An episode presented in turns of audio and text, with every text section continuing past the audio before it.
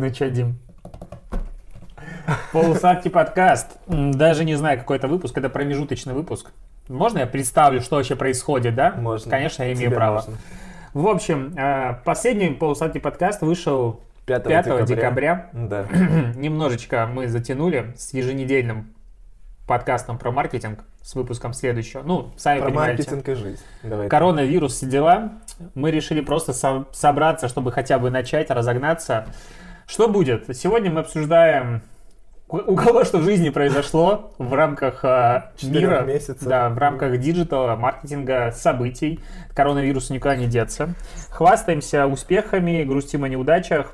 А, а потом мы расскажем, каким будет следующий выпуск э, полусладкого подкаста, потому что мы запланировали большие изменения, и три бокала у нас не просто так. Да, это затравочка. Ну что, Дим, по традиции я открываю. Ладно, открывай. Открывай э, игристое. И хочу отметить, что на этом игристом, Дима, нет акцизной марки. Какой А? игристый. Блять, какое игристое? Я тоже. Я, о чем мне игристое? Рислинг. Рислинг. На этом рислинге нет акцизной марки, потому что его мне подогнал Антон Баженов. Я был на курсе, а, выступал. Мне понравилось, как специально ноутбук для этого. Да. Ну, я, я решил перепроверить, правильно я все помню. Знаешь ли, сложно запоминать некоторые. Так Да. вот, а, есть хорошая традиция, мне она очень, честно говоря, сильно нравится, когда я где-то читаю лекции, это был дип-дип контент, и слушатели подкаста приносят вино нам на выпуск. У нас на выпуск с- следующий стоит еще три бутылочки вина. И это Рислинг а, Маркус Молитер. Короче, классная, по идее, должен быть Рислинг из Германии. Я открываю. Да, давай, открывай. Меня вообще Боже, ругают. Все постоянно. еще, все еще чудесно. Меня постоянно ругают за то, что мы пьем отстойное вино в подкасте. В смысле отстойно? Ну, типа, говорят, у вас вкуса нет. Вы пьете. Ты же не будешь доставать? Нет. Я же опытный подкастер. О том, что вы пьете не самые лучшие вина, а я считаю, мы пьем вина как бы в рамках текущей экономической ситуации. И если Вкусно и вкусно. до косаря мы берем вино, то нормально. А Антон из Америки, если ты хочешь, чтобы мы пили а вино дороже, можешь прекрасно нам его заслать. Мы вообще не откажемся. Пить винчик каждый день по 50 баксов, как это делают некоторые. Ну что, погнали. Это была вступительная часть.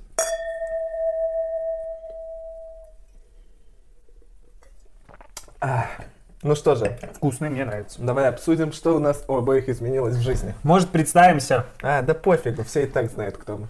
Тебя-то люди забыли. У меня там выходит каждый день ротом подкаст, прикинь? Я так Да. скучал по подкастам, что пришлось каждый день записывать без тебя. Ну ты молодец, ты это делаешь каждый день в одно и Конечно. то же время. Пару раз ты, конечно, Почти. проебался. Почти каждый И день. я это заскринил Нет, и почти, заметил. почти в одно и то же время. Сейчас из-за того, что начал писать еще и видео подкаст. Видео? Да. Да. Ты, видимо, не слушал последние три выпуска, ну ничего. Я, я честно скажу, что я ни один не слушал. Ну да, да, да. Но сидит и ко- козлина, да, и я, кстати, решил, что надо меньше материться, потому что я в ротом вообще не матерюсь, а тут мы типа много. И вот Мы я хотел назвать тут тебя всё плохим словом. рамках Нет, правил. есть вот, кстати, люди, которые ставят дизлайки э, в Телеграме моему ротом подкасту каждому выпуску, говорят, это им по приколу. Я хер знает зачем, но вот такие есть. Я даже знаю одного. Видимо, ты второй сидит и Нет, нет, выдрачивает. Про- В нужное время вышел, нет, и скриншотик делает, да? Не, не, ну, вообще я слежу, да, в 22, Да, да, да, да, 22 вышло или нет. Так вот, что же, давай представимся, все-таки у меня Давай. есть изменения в Давай. моей карьерной Давай. лестнице. Давай. И меня тоже как бы. Да-да-да. Многие не знают еще. Меня зовут Дмитрий Прокопенко, кто еще не знает. Я работаю в Setters. Раньше я был директором по маркетингу. В, мо- в- в момент последнего выпуска подкаста сейчас я директор по продукту, и моя задача чуть-чуть изменилась в рамках Setters. В первую очередь это запуск внутренних продуктов, это автоматизация рабочего процессинга, и в принципе как-то стало интересно. Ну, мне нравится моя трансформация, пока что в Setters меня все устраивает до сих пор. Да. Меня тоже, но я уволился. А просто, возможно, часть из наших слушателей Я вот в ротом подкасте общаюсь на ты, а здесь все-таки на вы, а, потому что людей много, больше. Так вот, наверняка часть аудитории попросту не знает, фильтранула или проскочила, что с 31 декабря я уволился из агентства Setters прекрасного и решил заниматься развитием блога. А поэтому за последние полтора месяца у меня не вышло ни одной новой статьи. Зато у тебя, у тебя очень много проектов вышло, и в принципе то, как ты стал вести регулярно Инстаграм, какие-то фишечки туда. Один пост в Не- феврале. Но это, нет, но ты когда только ушел из центра, Не, я прям болел просто. активизировался. Прям, я хотел уже тебя Я болел. Или У за- меня сейчас опять начнется новый проект интересный. Будет много контента именно в Инстаграм.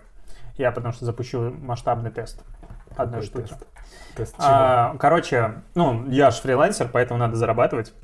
И мы сейчас будем делать нативный такой интегрированный проект большой с сервисом геймификации в Инстаграм. Формата там за реакции начисляются баллы, все дела, розыгрыши, и придется делать много контента, даже чтобы люди могли реагировать. Ты его, этот сервис, э, по-моему, рекламировал недавно в своем телеграм-канале. Я два сервиса рекламирую. Нативные интеграции, не реклама, извините. Я не стесняюсь нативных интеграций. Я вообще считаю, что качество и количество нативных интеграций демонстрируют эффективность с одной стороны, с другой стороны, а, короче, все хорошо. Март прям удался. Ну, смотря как посмотреть, учитывая всю ситуацию в мире. Ну, Я, лично для я- тебя, наверное, я говорю да. за себя. Ну, конечно. Аж, ну, расскажи, что же нового произошло в марте? Самое важное событие. Я Вот зубы меня- удалил. Четыре за раз. Нет, да- так, э, для, для слушателя, который вот нас сейчас слушает, я просто боюсь, что люди нам скажут опять вода, про маркетинг нифига.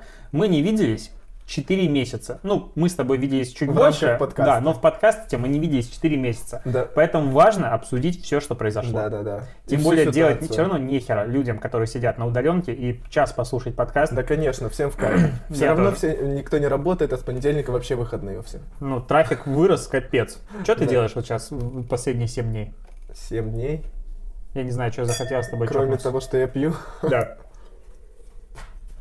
Нет, в рамках э, того же Setters у нас все осталось э, по-прежнему, все работают с 10 до 7, но весь Setters перешел на удаленку. То есть это не, не обязательное условие, то есть есть люди некоторые в офисе.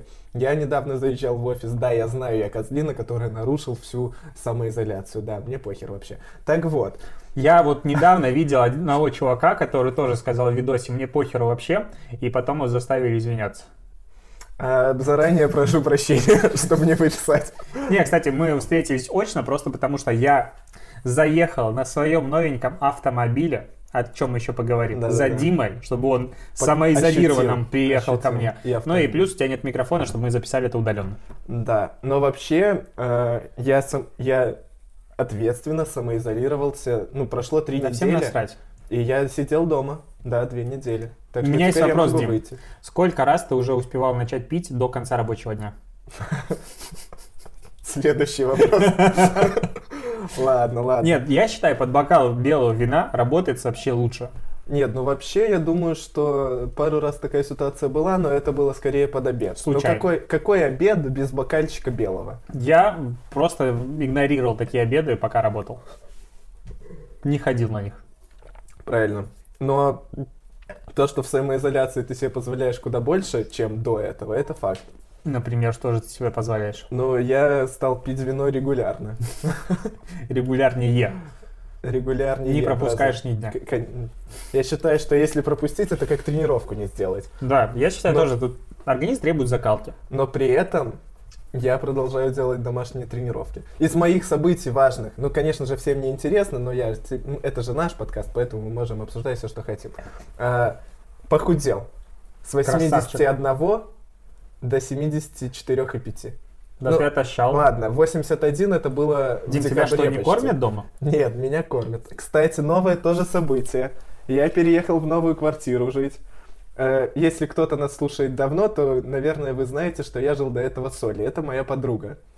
Э, Да, очень хорошая подруга, с которой мы жили в, одной квартире в царской столице.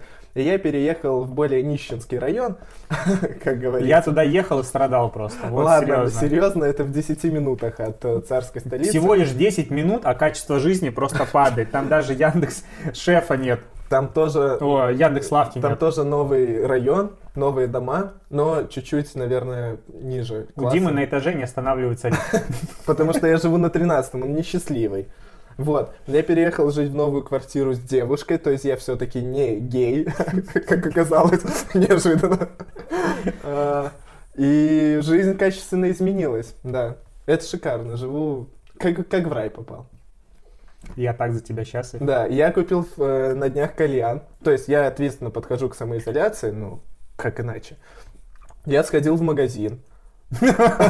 Закупился. Я сходил в торговый центр, Причем я- выбрал. при- Сначала сходил в три кальянные, проверил, какая лучшая Причем модель. я выбрал очень грамотно. Я выбрал ленту, самую большую на районе, в которой больше всего людей, ну, понятное дело. Но зато там ви- на вино скидки постоянно. Да, А у нас на районе нету винлаба, это самая большая трагедия. Ну, на, на новом моем районе. Так Да. вот, и я сходил, закупился вином, пивом, э, сырами, ну, конечно же, под вино. И потом мы решили, что нам надо купить кальян. И я пошел, купил офигеннейший кальян. Волшебная, волшебная вещь, конечно. Мне все очень нравится. Что еще изменилось? Даже все не Мне вспомню. нравится, мне радует, что ты вот, ну, Дима готовился к подкасту ответственно, и он выписал себе список, он Что вспоминал, что у него в произошло в жизни, последней да. жизни, да. Такие важные события, что пришлось их записывать, чтобы не забыл. Ну, вообще, конечно же, самое важное это то, что сейчас Нет, ты просто маркетолог, ты считаешь, что все требуется структурировать. Господи, ты видел? Ладно, я даже людям не... Нет, я не могу им расшарить. Ты... Я... Вся моя жизнь записана в Notion, вообще вся. Она Мгм. выглядит очень красиво, там есть... э, Ну, хотя бы выглядит красиво. Не жизнь моя выглядит красиво, а там есть работа и проекты, развитие целей, отношения, вид на жительство, финансы, пароли и доступ, путешествия и отдых. Я А в недавно отношениях поменял- что ты пишешь? Там закрыта у тебя доска или что-то открытая с твоей девушкой? А, Ты туда записываешь косяки формата «Сегодня завтрак был Туда, на, на пятерочку, да? Там 4 из 5. Вечер Не-не-не. не удался, конечно, да. Такое повторять не Я требуется. сюда записываю, ну вот тут есть э, типа День Святого Валентина, 8 марта, концепции подарка, э, то, что я не могу произнести в подкасте. Э, ну и тут другие штуки. Знакомство с родителями, это отдельный пункт у меня записан, я этого очень жду. Э, Ты же уже знаком. ну, я знаком с мамой, но не знаком с отчимом, наверное. И он очень хочет этого, а я не очень. ну, точнее, я боюсь. В моей жизни раньше не было знакомства с родителями. И этот Дим, ты этап- просто взрослеешь. Конечно, Это, это нормальный конечно. процесс в жизни мужчины. Да. И, в принципе, события, которые происходят сейчас в мире, мне вообще очень... Ну, ладно, не нравится, это очень плохо, бла-бла-бла, но вот этот вот весь разгон про то, что самоизоляция это полный пиздец, и это э, статьи «Как выжить в самоизоляции, как не сойти с ума», я вообще не понимаю. Я живу как будто... Я рожден был для самоизоляции, я всегда э, сидел дома, и работал и, и утром, и вечером, и по выходным, и мне разницы никакой нет. И ну вот сидел я 7 дней, вообще не выходил из квартиры. Моя А девушка, мусор выкидывать как? э, я же девушка. Она серьезно спускалась нет, вниз? Нет, нет, мусор... Нет, 7 дней вот вообще те не выходил, но э, поскольку девушка продолжала куда-то ходить, у нее шило в заднице. Ну, это я так называю. Она не обижается, даже если послушает этот подкаст, но я не дам ее, его слушать. Я скину ссылку. Спасибо. А, И она не может сидеть дома, вот прям от слова совсем. Ей И становится типа, блин, плохо. хотя бы мусор пойду выкину, да? Ей, ну, она хочет или там заняться спортом, или побегать. Она тогда еще, когда вот первую неделю я сидел, э, тогда еще залы ничего не закрывали, все было еще доступно. Она пошла три раза подряд в тренажерный зал. Это вообще жесть. Кто, кто ж так делает? Типа каждый день или каждый день. ты Прям. пошла в зал, потом вернулась, потом опять в зал, потом Не-не-не, каждый день. А, То есть три ну, дня подряд Тогда она ходила, и постоянно куда-то ей надо выехать, с кем-то встретиться, потому что на нее давят вот Ну ты понимаешь, что твоя далее. самоизоляция, она как бы... Ты просто затворник. Я затворник. Ну, или вы вдвоем должны никуда не выходить. Ну вот теперь поэтому мы подходим более ответственно. Если мы выходим, то вдвоем, что наверняка. Ну вот вчера ходили там в ленту закупаться к самоизоляции. Но самоизоляция это вообще хороший способ пон- остановить. Я уже знаю, как называется наш выпуск, в принципе, я понял. К этому моменту, к этой секунде, когда ты 20 раз повторил слово самоизоляция, я думаю, понимаю, что. Карантин. Да. Вы- ты планируешь на следующей неделе как-то по-другому вести свою жизнь? Да вроде я планирую дальше пить вино, курить кальян. Ну, я имею в виду, типа, прям вообще не выходить из дома. Я не... Я не до конца понимаю смысла. А, Вот прошло... Изначально было оговор- оговорено то, что самоизоляция должна быть 14 дней на коронавирус. Это две недели получается. Это Я- чтобы проверить, ты болеешь, условно говоря, Да, или нет, просто- и если да, болеешь, да, то да. не Но быть разносчиком. Сейчас это уже правило не действует. Ну, оно действует, если ты прилетаешь, но сейчас уже никто, мне кажется, и не прилетает, потому что почти все рейсы отменены, и авиасообщение вообще все закрыто. Э, Но ну, и я, не, я стараюсь меньше ходить куда-то. Я хожу только в места первой необходимости, там, в магазин. Это максимум. И то есть За вином. Ну, понятное дело, потому что вино доставку заказать, к сожалению, нельзя. Это идеальный стартап. Я даже смотрел, как обойти можно закон, чтобы стартап этот работал. Но, Ты, я тебе потом приложение скажу, доставляют. Но это незаконно, и Ну, их быстро прикроют. А вот в смысле приложение в App Store доступно, ты можешь скачать и доставлять. Ты же не знаешь, не значит, что это законно. Ну, я, я понимаю, но я говорю, что оно есть. Хорошо. Вот, Э, просто как бы круглосуточно, И- 30 минут. Ну, есть Яндекс Лавка, есть самокат, они закрывают кучу потребностей, но они не закрывают потребности типа культурно провести вечер, то есть выпить бокальчик вина. А, Блин, ты слишком много говоришь, надо мне поговорить. Слишком, я вот понимаю, что первая половина подкаста такая скучная, ты так томно это рассказываешь. В смысле, Том, ну куча событий в жизни произошло. Еще я отлично из-за всей ситуации с коронавирусом слетал в отпуск. Тебе деньги вернули? Нет, вообще ни хера не вернул. О, Ну, прости. Это, это жесть, э, типа... э, Вообще никто не вернул денег? н- Ну смотри, мы, мы летели в Грузию через Минск. Подожди, вы должны были лететь, вы хотели, вы Да, планировали Мы лететь. планировали лететь в Тбилиси через Минск. То есть пару дней остановиться в Минске, и из Минска уже лететь в Тбилиси, и потом снова потусоваться в Минске. А, в итоге мы забронили э, жилье через Airbnb и в Минске, и в Тбилиси, и Airbnb все вернул. Причем возвращают они моментально. Ну, то есть... мне на следующий день пришли деньги, хотя написано, что там недели или сколько Мгм. это задержка будет. И полностью все вернули, вообще без каких-либо комиссий и так далее. Все-все-все, как мы и оплатили по тому же курсу. Э, Белавия, что составляло куда большую статью расхода, ну, потому что билеты на двоих, допустим, в ту же Грузию мы заплатили, по-моему, что-то около 25 тысяч, ну, чисто в Тбилиси из Минска. Ну, и плюс билеты в Минск. Э, Там набежало, ну, около 40 тысяч, мне кажется, суммарно. Я получил примерно... Да у тебя там все записано, ты, ты- Да, да, кон- у тебя- конечно. мне кажется, около 40. 40 тысяч 834 рубля. Нет, я, я просто сейчас не помню, Да но не я суть. могу посмотреть. Конечно же, у Неважно. меня все записано. Это называется статья авиаперелеты. У меня все тоже есть. Удивительно, я думал, это как по-другому называется статья. Да, и Белавия ни хера не вернула, Так, на а сообщения они не отвечают. Где не отвечают, а ты куда писал? Я пис... э, Возврат билетов у Белави осуществляется очень ручным способом. Тебе надо распечатать все, подписать, э, отправить это Да. на почту, тебе почта отвечает. Они делают перерасчет и присылают сумму, сколько тебе вернут. Мне ответили, что ваша заявка обрабатывается, но какую сумму мне вернут или что-либо давно еще, ничего. Ну, Мы, мы быстро 20-х меняли билеты. 20-х числах. В Ну, возможно, очень большой поток. Да, но э, про билеты в Минск они сказали, что не вернут. Ну, типа, вот те, те которые мы Ну, должны были- слетали бы в Минск. Уже закрыли границу к этому моменту. У нас были билеты на 18 или 19 число, вот 18 и закрыли границу. Так, подожди, рейсы же отменили, должны быть возврат. А их не отменили тогда. Они, э, авиасообщения еще тогда остались. Но я, если бы улетел, Ты космический неудачник просто. но я, если бы улетел, я бы не вернулся обратно, потому что возвращаются только граждане России Да-да-да. могут, а сейчас вообще никто не вернется.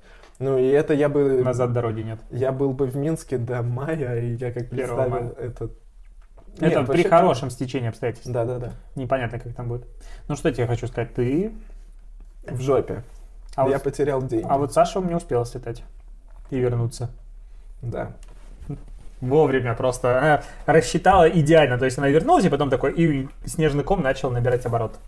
А ты вообще почувствовал какую-то разницу, ну вот, в связи со всей этой ситуацией? На тебе это как ты сказал? Я охрененно не почувствовал разницы, потому что я самоизолировался с Давно. 1 января. Я обустроил себя вот сзади офис, который я многократно всем показывал. Я там сижу, кайфую, и, и типа я такой, ну, не знаешь, чем я почувствовал разницу? Вот раньше люди ехали на работу, страдали, а я просыпался утром, шел себе, заваривал на кухне ко- кофеек и садился, изучал новости. И кайфовал. Вдвойне кайфовее кайфовать, когда другие страдают. А здесь типа все такие, ты такой, Вообще я почувствовал разницу вот в коммуникации с, допустим, с коллегами, с нашими. Ну, все как-то расслабили булки. Но объективно, когда все, все агентство переходит на удаленку, там в 150 человек, не все работают на таком же интенсиве, и тем более есть э, факторы того, что некоторые клиенты ставят проекты на паузу или останавливаются какие-то тендеры и так далее. Но все как-то булочки расслабили, расслабили. Я вот чувствую прям. Да я и по себе могу сказать, что я прошлую неделю я отработал вот как папа Карла, вот прошлую. Но до этого, как только я сел, я просто болел, ну я был на больничном, и после больничного я, я болел не коронавирусом, все хорошо, наверное. И я после этого как-то расслабился. Вот. И У меня, знаешь, какая была штука? Я в январе вкалывал просто, ну, типа, я садился, у меня была доска, у меня до сих пор с января висят некоторые задачи на доске, конец марта. А февраль у меня почти полностью потерян был, потому что я сначала тоже болел очень. Ну, вот это я уже думал, что это был коронавирус, потому что 39-38 не сбивалась температура, я охреневал просто у дома. тебя не болело в, в- Нет. тут, в груди? Уса не болел. А. Боже, коронавирус. Шучу. Записывать прекращаем, я поехал. Да уже все отболели. А, ты, ты был после этого у нас. Да, да, да. Да, а, Я, поэтому... кстати, после вас и заболел. Совпадение? Когда ты, блин, слышишь? Я шучу, шучу. А, И вот что-то февраль меня просто дико выбил с колеи. И я весь март тоже не могу туда вернуться, потому что постоянно что-то происходит, как-то много очень событий, я постоянно что-то делаю, но не то, что хочу. Я надеюсь, что все-таки вот на этой неделе я начал наконец-то вставать опять в 10, это уже рекорд, и изменить подход на этой неделе.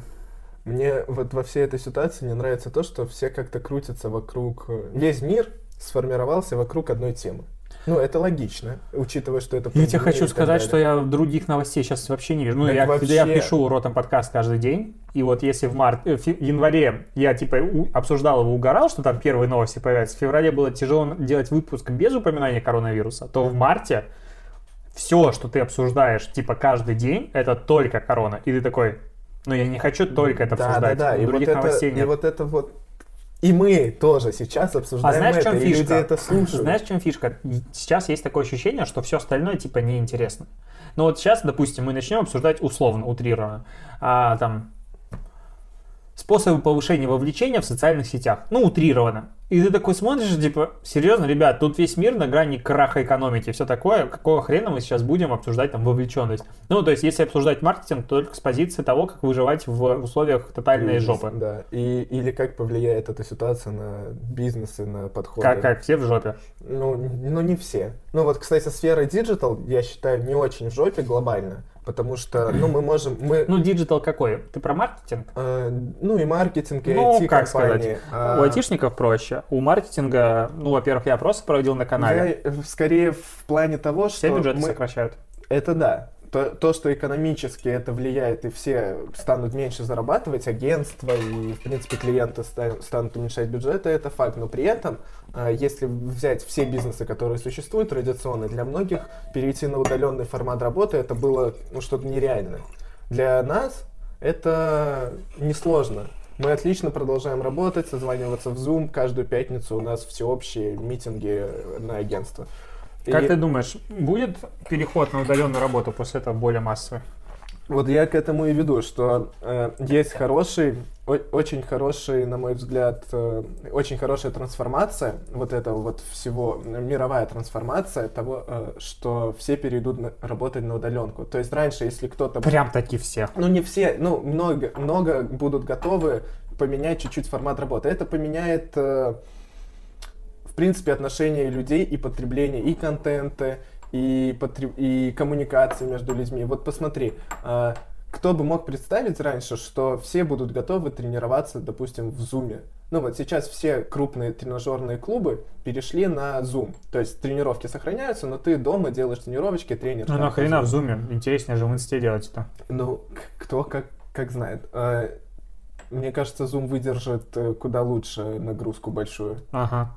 Ну, серьезно. здрасте. То есть прямые эфиры в инсте, которые Так, делают... Они делают или... Ты имеешь в виду там- закрытый платный? Да, они же смотрят, кто что делает. Это не просто они пускают прямой эфир. А, условно. типа тебе помогают. А тренер с тобой по-прежнему продолжает заниматься, и он видит, правильно ли ты делаешь, и какие-то дает советы. Вот эта диджитал трансформация какая-то, это очень круто, на мой взгляд. Представляешь, как сейчас хорошо стартапам, которые, допустим, а, считывают движение человека и говорят ему, как он правильно двигается или нет. Насколько я помню, у меня ре- ребята знакомые есть, которые делают такой стартап э, по йоге. Да, я знаю. Да. Привет, кстати. Так вот, и я думаю, у них все очень хорошо. Кстати, надо будет их позвать в подкаст. Да, можно. Да, и такой типа тизер. Э, Вот здесь будет стоять другое устройство э, на фоне. И мы будем звать э, третьего человека, скорее всего, по удаленке, потому что все интересные люди, с которыми мы хотим пообщаться, обычно живут далеко. И будем разбирать более классические темы подкаста формата типа «Как дела в Америке?» Во время коронавируса или не коронавируса, и вообще как отличается маркетинг, подходы.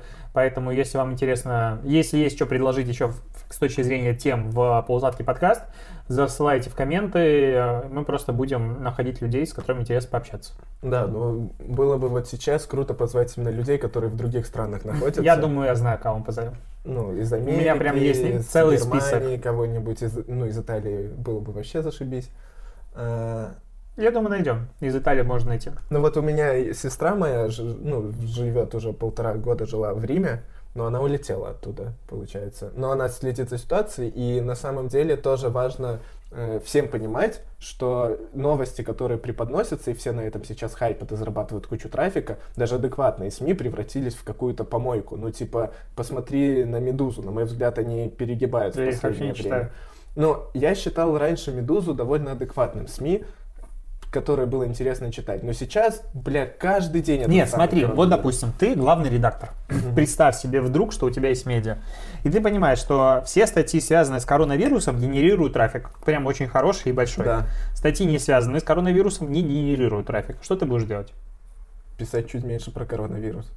Но вся «Медуза» превратилась только в коронавирус Если и это в главная тема. политическую Ну, в России. Так, это две главные темы Всё. сейчас. Другое все нахер никому не интересно.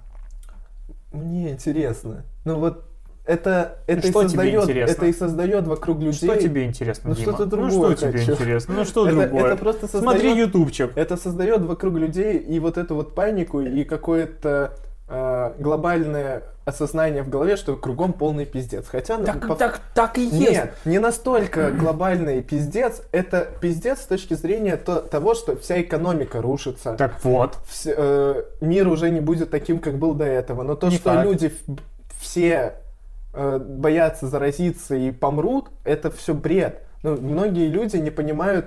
э, Я не буду смеяться, но буду дико как бы внутри гоготать, если вдруг ты через неделю заболеешь. Ну, Так- не, я не желаю этого, Дима, но обычно Нет, вот после так, такой хорошо. фразы человек заболевает. Пусть я заболею, я не... Ты Окей. слышал кейс а, про чувака, который облизал? Ну, это вообще как бы в ТикТоке челлендж.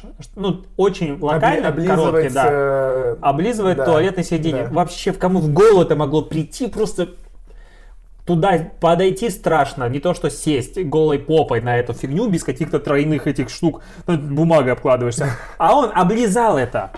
Так это же и, и девушку какую-то. Так он заразился коронавирусом потом в Америке. Это просто главный... ну, Нет, в принципе, с точки зрения а, кейса из Беларуси видел, там, где чуваки, типа, заболели коронавирусом, из-за того, что правительство вообще никакой информации не дает, они, ну, начали об этом писать, и там один чувак в телеграм-канал тысяч на 20 уже прокачалось, и не больше, уже рекламу продает. Рассказывай. Короче. Наконец-то. э, Пошла жара. У меня был одногруппник. Его зовут Ви- Витя Корсак. Он, э, Он жив? возможно, Всё это хорошо? другой э, канал, потому что их очень много, но он вот из Минска, у него канал качнулся, там 40 тысяч плюс уже. Ого. И, ну, он создан неделю назад. Он, Я даже как-то завидую. У меня Так ты можешь 46, быстро у меня 46, переквалифицироваться. у меня 46 и за А 3 знаешь, что года. достаточно? Просто в название коронавирус написать, и тебя найдут. Все, все понесет, понесет. В прошлый раз мы говорили про КГБ, который найдет. Но они нас, видишь, не нашли. Да, мы просто долго скрывались. Вот, он у него, он прилетел с другом из э, Германии как раз таки. Это было пару недель назад, две недели назад, когда в Германии уже была прям эпидемия, все бушевало. Ни хера там не было две недели. Было, было. Уже было очень много зараженных. Если в России тогда было, мне кажется, ну, сотня какая-нибудь, Дима, 60 сотня человек. была на, про- на этой неделе в России. Да не, Да, две да. недели прошло уже. Ты вот сейчас споришь и Короче. прям не апеллируя фактами. Нет, мы можем, конечно, на В Германии две посмотреть. недели не было еще массовой уже, эпидемии. уже было достаточно Хорошо. много зараженных. Было Да, пару допустим. тысяч. Да, допустим. Ну, это, это не- Хорошо. немного, но достаточно, учитывая, сколько сейчас там зараженных. И они были вот в Германии, они и через Польшу они, по-моему, ехали. И в итоге они приехали, у, у него, у друга обнаружили коронавирус. Э, Он, конечно же, вызвал скорую, Эта ситуация происходила в Минске, поэтому его не забрали в Боткино, а забрали в какую-то другую инфекционку, которая у нас, я не знаю, как она называется. И он начал вести каждый день трансляцию того, что происходит, как, э, как тебя увозят скорые, куда тебя везут. Куда Это он тебя- фотографировался в этой херне внутри. В, как- в какой хер- Ну, там были, были какие-то да, чуваки. да, фотки, там, да, у него типа, есть. когда тебя забирают откуда-то, тебя везут такой в ин- инкубаторе как будто. Да-да-да. Класс, У него я тоже все- сфоткался. У него все фотки есть. Но, возможно, мы говорим просто все равно про разных э, чуваков, потому что несколько каналов вот сейчас популярных в Минске, которые ведут два Мне коронавирусных. интересно, что они потом будут публиковать? А, Вот основной челлендж это изменить повестку канала. Ну, мы же маркетологи, мы можем обсуждать, да. Чтобы люди не отписались и не замьютили. Скидки на лекарства. Так И бабки так? такие в телегу. Да нет, ну, я, я не подписался, потому что меня, в принципе, немного раздражает, что все вокруг этого как-то крутятся. Плюс-минус все, что если кто-то хочет узнать, как протекает коронавирус, что делать, и куда тебя отвезут и так далее, ты можешь зайти на сайт ВОЗ и все прочитать. Там все расписано, и это самый нормальный источник всего. Там описаны симптомы, можешь ли ты заболеть коронавирусом после того, как ты заразился коронавирусом. Можешь? Да. Блин. Потому что, То есть ты по второй раз можешь заболеть? да, Так а смысл тогда типа глобального антитела э, вырабатывают... Ну, когда ты чем-то болеешь, у тебя вырабатываются антитела, которые противостоят вирусу в дальнейшем. У, после коронавируса э, антитела вырабатываются на очень короткий срок, и буквально ты можешь... Пару дней ты защищен, а потом... Чувак такой отлежал, выходит, наконец-то, все, свобода, херак опять загремел, типа, да что за... Ну, тогда я хочу сказать, что нам всем... Ну, вот это не очень ситуация. И самое плохое, что корону не берут многие таблетки, ну, типично, которые при ОРВИ. А ты ну, в курсе, что как бы от... э, нет лекарств? Нет, да, конечно. Ну, типа, не то, что не Так берут, это его- вирусное, а их, в принципе, не, не берут ничего. Конечно, конечно. Я имею в виду про, не про таблетки, которые типа как... Ты опять, вот ты такой говоришь, на старте подкаста, пока мы готовились к нему, мы готовились сегодня, э, говорит, я не хочу обсуждать коронавирус. И уже 10 минут затирает так медленно и скучно. Я хочу, Короче. я хочу людям объяснить того, что это не настолько страшно, как есть. И многие люди даже не находятся в зоне риска, но при этом важно соблюдать самоизоляцию и э, соблюдать все рекомендации правительства и ВОЗа, потому что другие люди могут заболеть, ну, которые находятся в зоне риска. А То я напоминаю, что 60 это не плюс. мой подкаст, это наш подкаст. Соответственно, вот ту чушь, которую говорил Дима, это вот к нему хейт, ко мне не надо ничего. Какую чушь, это вот все вообще все не ко мне. Тьфу-тьфу-тьфу, как говорится. Я бы вообще сидел в масках, писал бы подкаст, но, к сожалению, хер ты где их найдешь. Бля, э, вчера, позавчера, когда ходил покупать кальян, я отлично соблюдаю весь режим, э, Просто закапываешь себя, мне кажется, уже вот, вот так вот по глаза, то есть. да я аккуратно, я не болею 100 проц коронавирусом. Ну, хотя есть, хотя есть, Дим. чтобы все знали, э, коронавирус, это тоже на сайте ВОЗ написано, может протекать без симптомов. Да, Дим, смотри, я тебе хочу первое что сказать, ну, мысль, что вот меня немножечко начинает раздражать блогеры, которые все такие себя осознанные и прочее, и постоянно об этом говорят, формата не ходите, ну, типа призывать. Да, с я одной стороны, согласен. Я не призываю с одной никого. стороны, Хотите, а, ходите. с одной стороны, вроде бы как массовое информирование это круто, с другой уже этого стало чуть-чуть перебор. Мне кажется, люди, которые не были подвержены первой, второй волне, они не будут десятый раз, если им скажут, что никуда не ходить, никуда не пойдут. Я видел видос сегодня, что в Питере чуваки в закрытый а, парк, ну, в Питере парки закрываются, есть такая особенность. Они ребенка, ну, практически перебрасывают через забор и с велосипедом и идут в парк гулять. Ну, потому что погода хорошая. В Питере вообще всю неделю солнце, типа, Когда нельзя, так оно появляется. Конечно. да. А второе, а, а второе забыл, что хотел сказать. Блин, я такую классную мысль хотел толкнуть, сто процентов. Но Ну вот, пр- прошла мысль. Недавно ехал в такси. Забавная история. Тоже Давай. связано с коронавирусом, конечно же. Ну, косвенно, косвенно. Мы сели в такси. э, Это было, ну, пару дней назад. И таксист спрашивает, а у вас есть э, санитайзеры эти? Мы говорим, ну, и я подумал, что он типа не в час нас выгонит, потому что мы не пользовались санитайзером. Допустим, мы сказали, да, да, да. Тем более мы вышли из заведения, там попользовались санитайзером. Ну, еще и по кафе ходит. по не бару. по кафе, Да. а по кальянной. М. А, так вот. И У меня точно нет коронавируса. Да, я шучу, шучу. Это было давно. Уже поздно выгонять, да? Там машин дезинфицировать придется. Да, не- короче, я очень соблюдаю все рекомендации. Э, Часто пользуюсь э, санитайзером, мои руки и прочую ерунду делаю. Так вот. И мы вышли, э, сели в такси, он спрашивает про санитайзеры.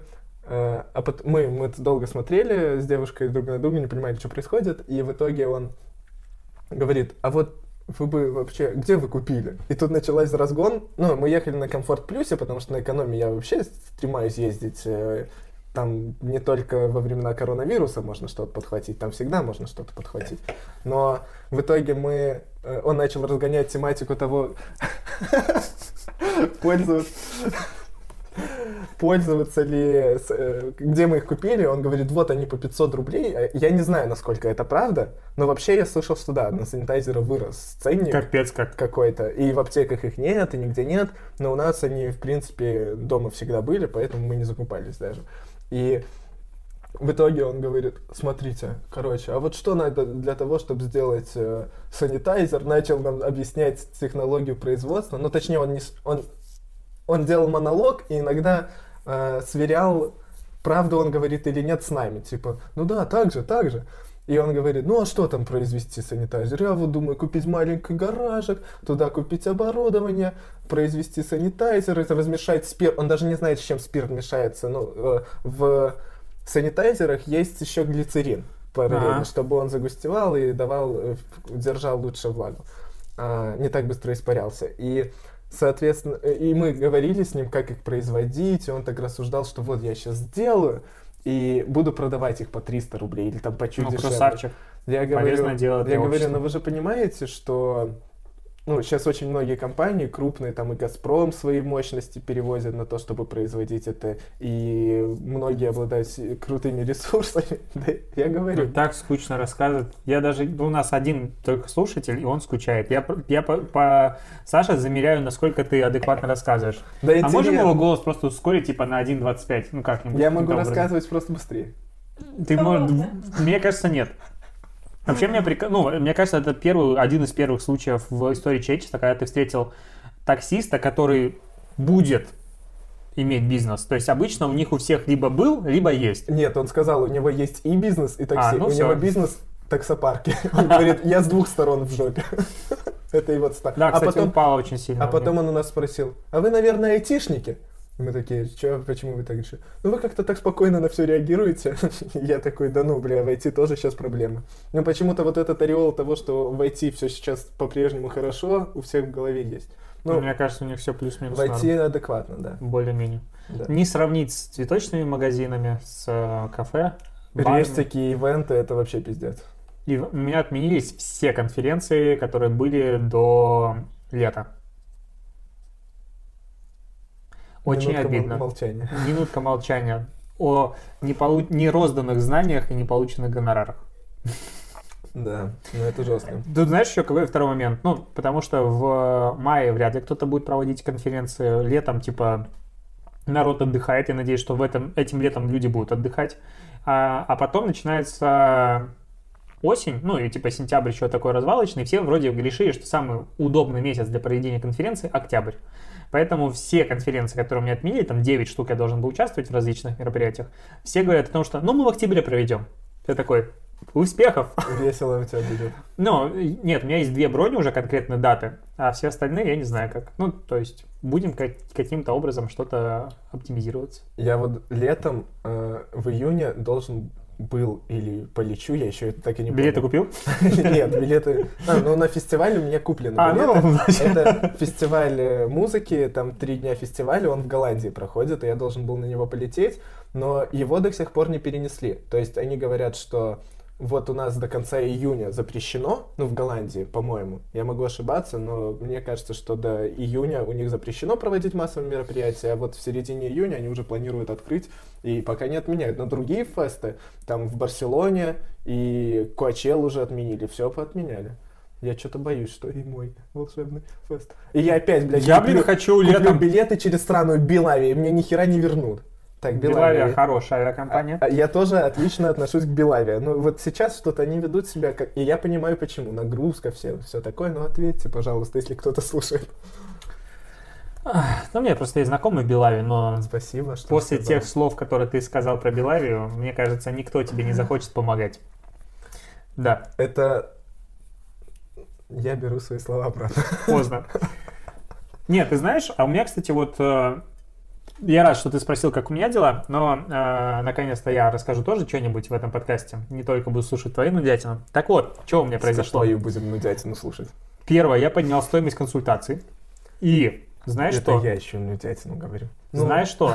Интересный факт. Консультации стали интереснее.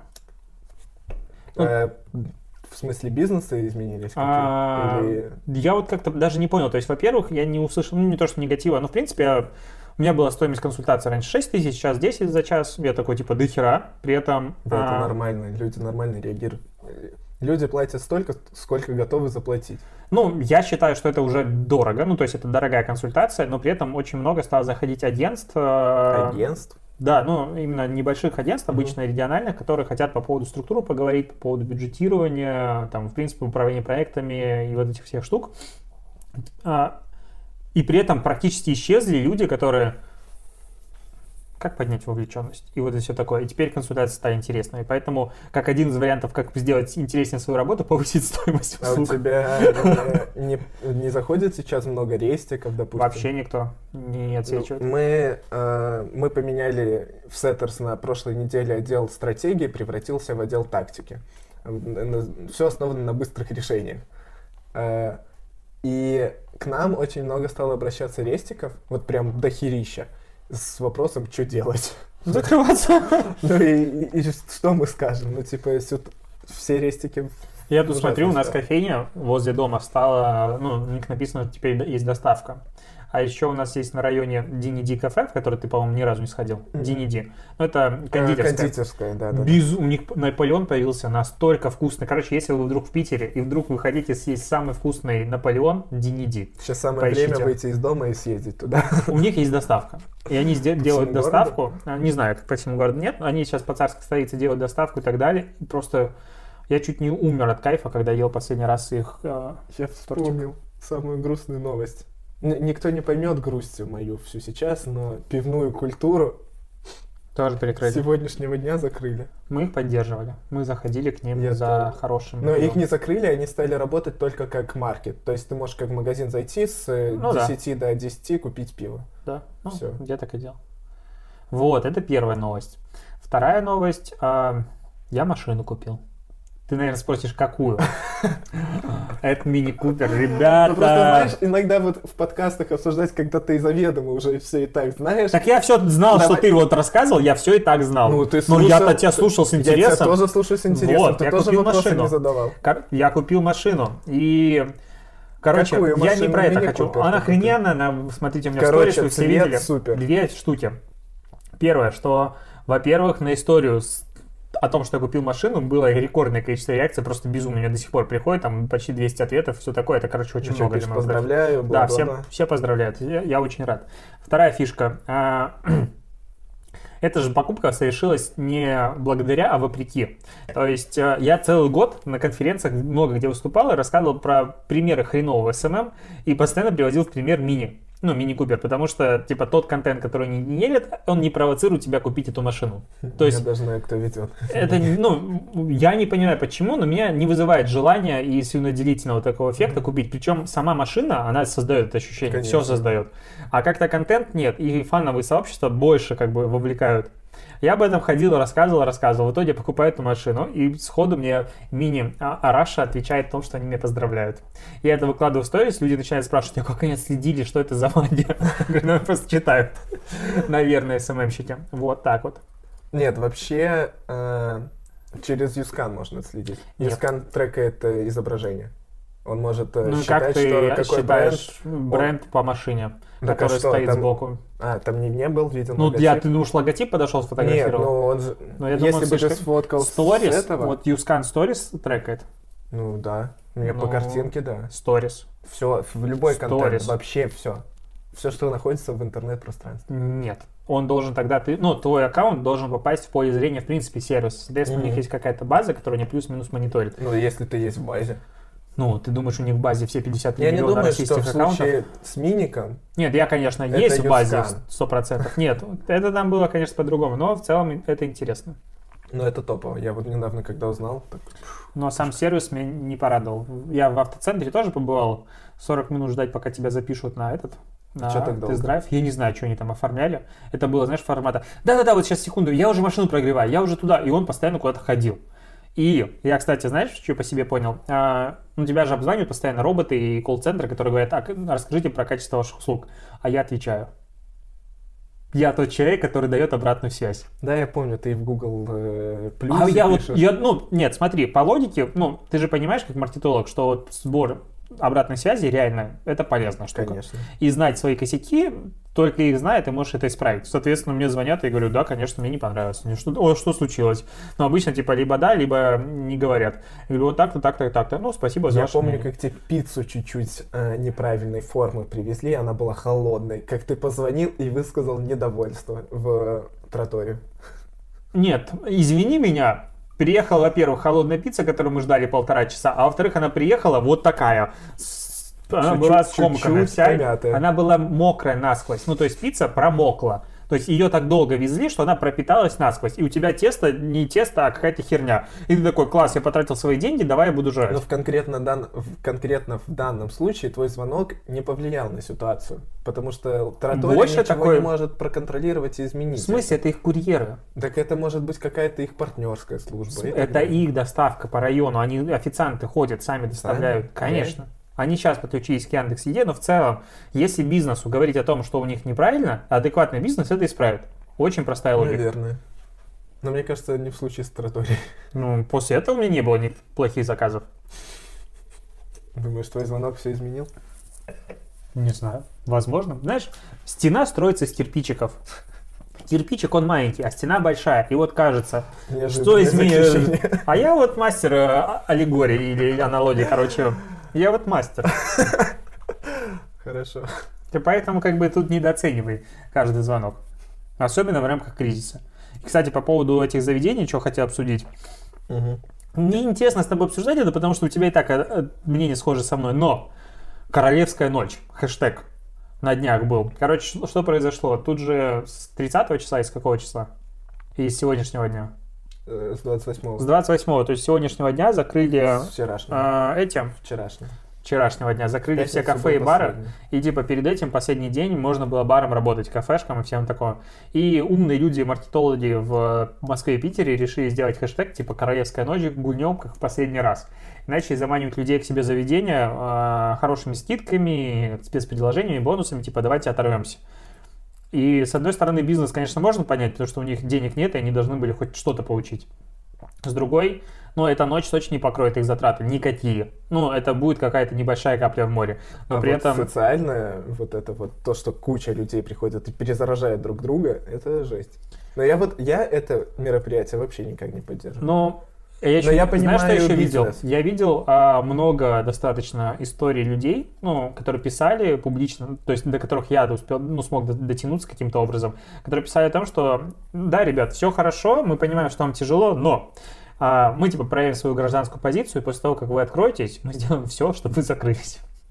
Ну, форматом, значит, я буду просить приходить проверки к вам, не знаю, жаловаться, ну, если у вас есть какие-то косяки и так далее, потому что, да, вы имеете право сейчас провести такую движуху, а я имею право потом вас задолбывать. Ну, типа, моя гражданская позиция.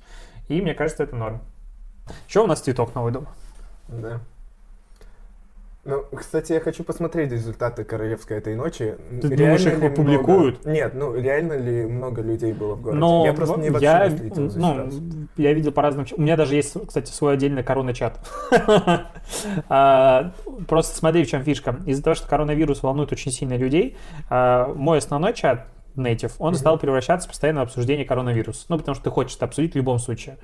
А, Но при этом он про маркетинг. И чтобы не делать его чатом про коронавирус, у нас был отдельный заброшенный флуда-чат, закрытый, который мы просто переименовали в коронавирус, и теперь народ там может обсуждать. Я сам туда подливаю масло в огонь. Ну, типа, видишь какую-нибудь хрень, ты закидываешь, все обсуждают интересненько. А сколько там человек? Сотня. Тебе надо рекламу. Это хоро... А вот хорошо, вот А мне зачем это? пред- Я пред- представь, нет, просто сейчас представим. Ты завел паблик про коронавирус, вот как мой знакомый. Ты вырос до 100 тысяч, Это охереть, какая аудитория в Телеграме. Допустим. Прошел коронавирус, а он рано или поздно закончится, что логично. А, как бы, во что бы ты его превратил? Это мы сегодня уже поднимали, но мне стало интересно, во что бы ты превратил. Какие-то широкие темы начал бы юзать. Новостной, скорее всего, новости. М.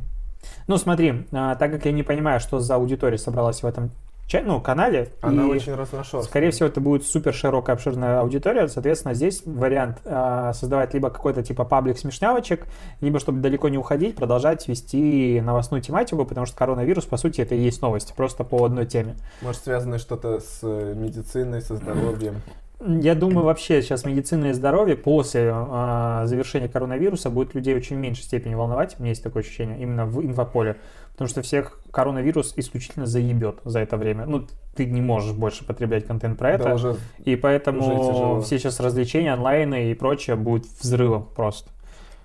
Господи, вот в коронавирусе, кстати, есть определенные плюсы. То, что я честно признаюсь, я уже все, что мог, выкачал.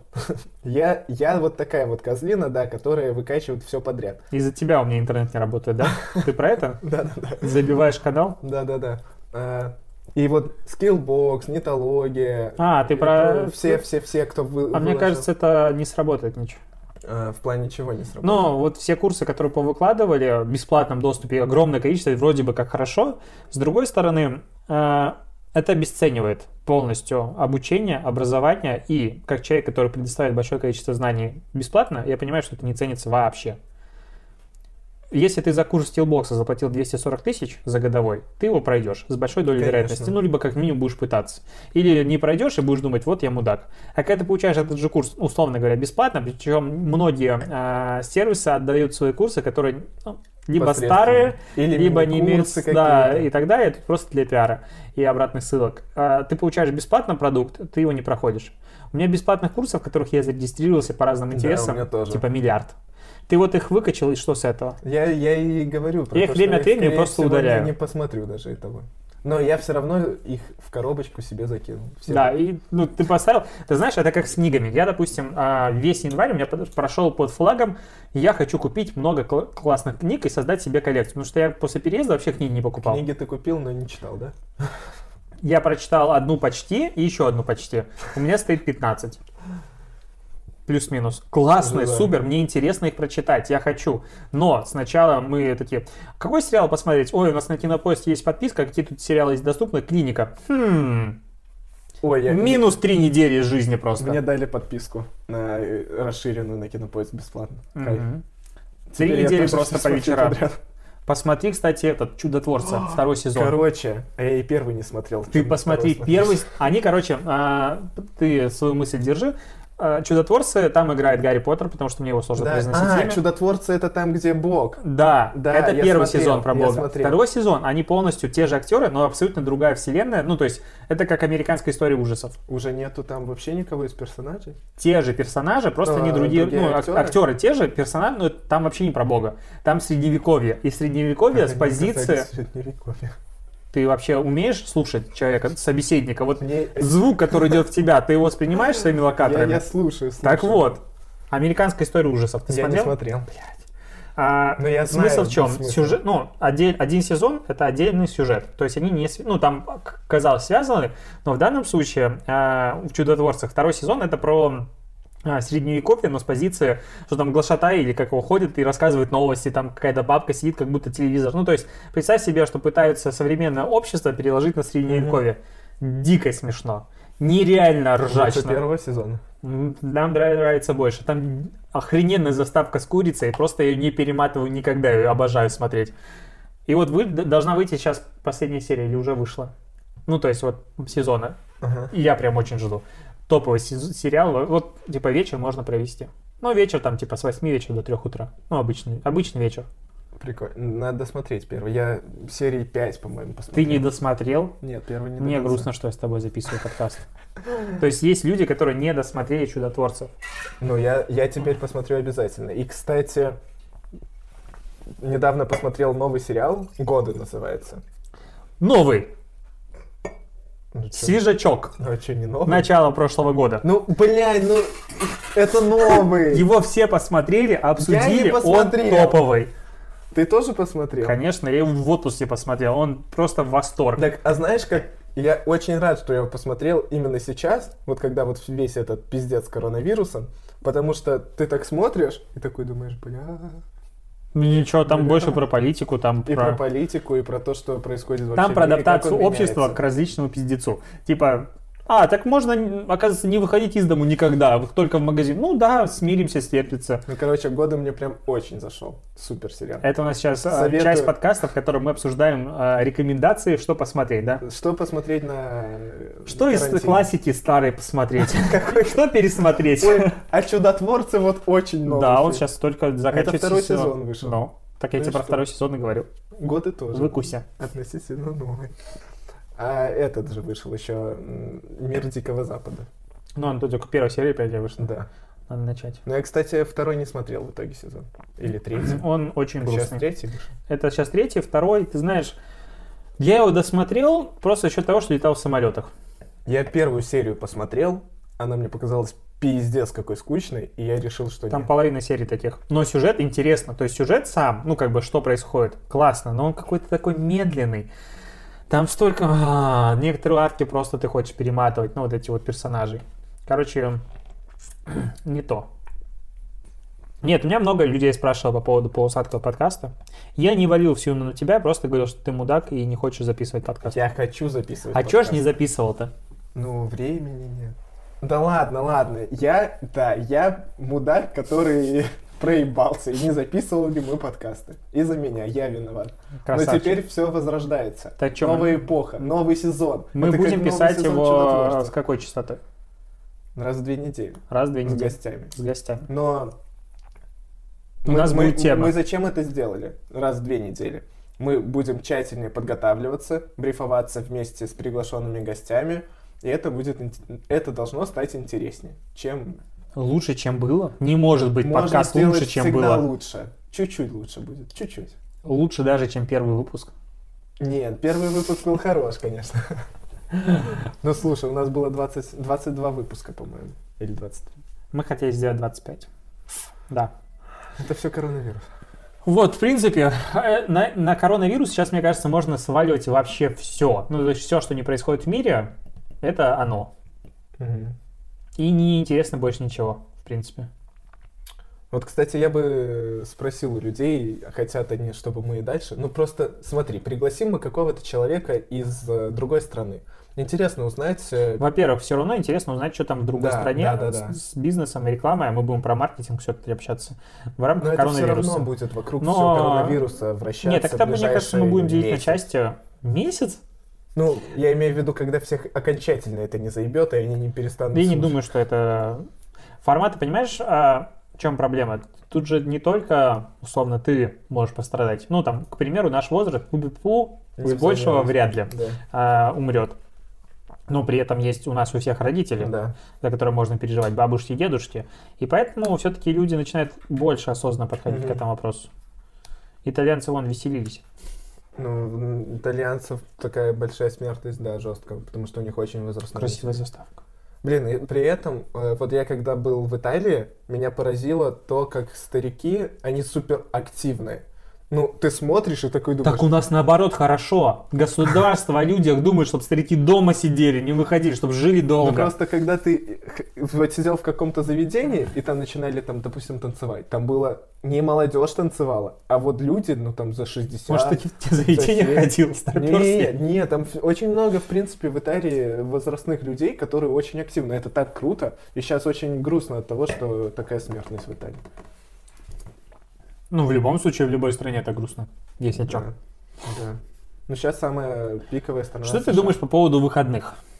Э, то, что Путин объявил? Ну, Нет, блин, Кадыров, я не знаю кто. Нет, Да. э, мне кажется, что это... Я вообще не обсуждаю политические какие-то моменты, но на это... Я в данном случае не про политику обсуждаю, я про, ну, типа, тоже стараюсь избегать. Не потому, что у меня нет мнения. Я охренеть какой политичный человек. Я смотрю много политиков на YouTube. Я нет, считаю, что... публично не хочешь транслировать. А я считаю, что я не обсуждаю политику, потому что я, моё, я дилетант, и я многие вещи не понимаю. А, ну это да, И я не спорю. поэтому У нас навязывать свое мнение кому-то и публично говорить, что вот там кто-то мудак, ну, я не политолог. Зачем мне это говорить? Я про другое. А про выходные... Это решение, ну, в меньшей степени про политику, и в большей степени про бизнес. Мне кажется, что решение немного неграмотное, потому что оно было какое-то непродуманное. Популистическое. По-моему, такое термин Ну, существует. типа... Типа, чуваки, вы все отдыхаете, но вам по-прежнему заплатят деньги, потому что я так сказал, а кто будет платить, их не Подумайте о спрашивают. бизнесах, да, ну, Setters сработают? да, все, все, все диджитал-агентства продолжают, ну, кто еще не умер, Вопрос. очень многие агентства уже Зарплаты не загнулись. изменяются? Ну, вот формата, к примеру, типа у тебя есть выходной, и я знаю, по чатам уже вижу, что некоторые сотрудники говорят, ну это все прекрасно, но тогда, если мы, типа, мы работаем свой выходной, то x2. Нет этих разговоров? Свой выходной, типа, вот, который ну, типа, будет. вот 5 дней до выходных. Хрена себе. Это какие-то неадекватные. Я объясню, как было у нас в Сеттерс. Это не секрет. Э, Ну, это информацию никто не знает, но я могу ее рассказать. Давай, инсайты пошли. Э, Наконец-то. Когда это появилась новость, э, это же было в прямом эфире, когда Путин выступал. Все нас просто сидели в э, чатах. В, ча- э, в Сеттерс чатик руководителей. Ну, и мы там обсуждаем какие-то оперативные решения. Все там, конечно же, охерели. Женя там такой, давайте дослушаем. Не, может там что-то будет, да. И все, и все говорили про то, что, ну, блин, типа жесть. Ну, все нормально отреагировали на это с точки зрения э, того, что не, у нас не будет выходных. Все это прекрасно понимали, потому что для многих агентств это критично. Э, даже для таких крупных, как Setters и, там, не знаю, других, э, Мозаика и прочих агентств, это прям удар экономический. Платить впустую. Когда потом есть еще 9 мая, на который выпадает хири, э, 8, по-моему, Нет, тут дней. понимаешь, в чем? Мне кажется, не проблема, ну вот с точки зрения экономики здесь как раз в меньшей степени проблема, потому что Наименьшая, сотрудники все равно согласен. сделают всю, ну типа, Да. у тебя есть пул работы, значит люди сделают его в любом случае, ну, утрированно.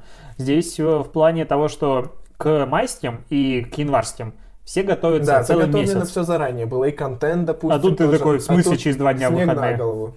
И ни у кого ни хера нет. И все поэтому и продолжают работать. И Женя, а, мы обсудили внутри, что планируется. Женя написал, что он считает, что выходных не будет. Он сказал, типа, вы, конечно, извините, но выходных у нас не будет, и я считаю это объективным по таким-то причинам. Но мы все поддержали, потому что у нас никто не готовился. Конечно, я внутри подумал, типа, ну, бля, неделя было бы Путин же сказал, ну что я Путина слушать не буду. но, но абсолютно э, объективно головой я понимаю, что так нельзя делать, и, конечно же, надо продолжать работать. И э, Женя потом выкатил это в, чат, который есть на все агентство, у нас он в Телеграме, и все, все хорошо приняли, абсолютно все. А вот Никто слушай, не а вот если бы ты работал, ну, условно, не в э, агентстве с сильной корп-культурой и в руководителях, а представь себе, ты работаешь, допустим, в Mail.ru, обычным, не знаю кем. Ну, вот кем ты бы хотел С работать? линейным сотрудником. Да, какой-нибудь уборщик. И такой, какого хрена, тут выходные, а я должен убираться. Я не знаю, мне тяжело понять логику таких людей. Таких людей. Ну, Таких- как не, не... Да я не в том Ты плане. уже, я даже, ну, то есть, мне кажется, вот если у меня было много времени и желания для людей. постобработки э, подкаста, видеочасти, ты бы спускался, знаешь, вот был бы гроб метр, ну, то есть яма метр. По какую макушку ты уже закопался? Мне кажется, метр четыре уже. Ну, то есть, причем еще и бетоном сверху заливают. Нет. а, я имел в виду, ты привел пример, и я Ты тебе еще про курьеров, святых людей сейчас скажи. Конечно, курьеры это супер люди сейчас, Чаевые которые даешь? работают. Я не заказываю Яндекс, Дос- Яндекс еду, там только сейчас где можно в Яндекс еде. Ну, а, А, наликом а где ты У за- меня нету налика вообще дома. Мне понравилось, как э, мы сейчас смотрим, открыли для себя. Ну, в принципе, контента хорошего, интересного не хватает на YouTube. Да, ну, на это я заметил подсмотра. И начали смотреть то, что обычно не смотрели, начали смотреть Сережа Микрофон, это, как его зовут? Мезенцев э, подкаст выпускает, а у него двухчасовые, два часа, два с половиной. Ну, то есть он говорит, подкаст это такая херня, которую ты слушаешь несколько присядов. ну, этих начал. В нем много интересных гостей было, и у них был выпуск с Варламовым, как раз уже в момент разгара такого набора коронавируса. Они обсуждали, а Варлама уже есть своя еда, а Варламов есть. Мгм. Они заказали, ждали весь выпуск, пока придут. И... Это аналог гроу-фуда или готово? скорее? Нет, это просто э, еда, там всякие поте и типа. прочее. Нет, это типа просто... А, просто есть у них, ну, это форматы, они открывают просто кухни на районах, без э, посадочных мест и работают только на доставку. Мгм. Как Ну, щас- на районе, то есть. Да, но не с такой скоростью и не с такой едой. Поэтому не как кухня на районе. Вот, и они А заказали... Нет, они заказали, долго ждали, и когда приехали, курьер пришел, они там долго еще с ним созвались, это все в подкасте, это было прикольно. Мгм. Заходит курьер, они его позвали к себе, и он с ними поздоровался. Ну, типа, они такие за руку поздоровались, выходят такие, нахера мы это сделали? Ну, короче, это было смешно. И, в принципе, смотри, как изменяется общество. Мы вот были вчера в ленте вечером, а, закупали продукты, типа, надолго. Мало людей, и ходишь, ну, есть люди в масках, а мы, я не знаю, где. Я выходил в маске, я не знаю, где ее купить. Ну, типа, нигде нет. Вообще, хер ты где найдешь. И ходишь, и такое ощущение, что вокруг зараза. Ну, прям физически Как я ощущаешь. прихожу, когда домой, я чувствую грязь на руках. Я такой, «Господи, боже». У меня была Я сразу- главная проблема.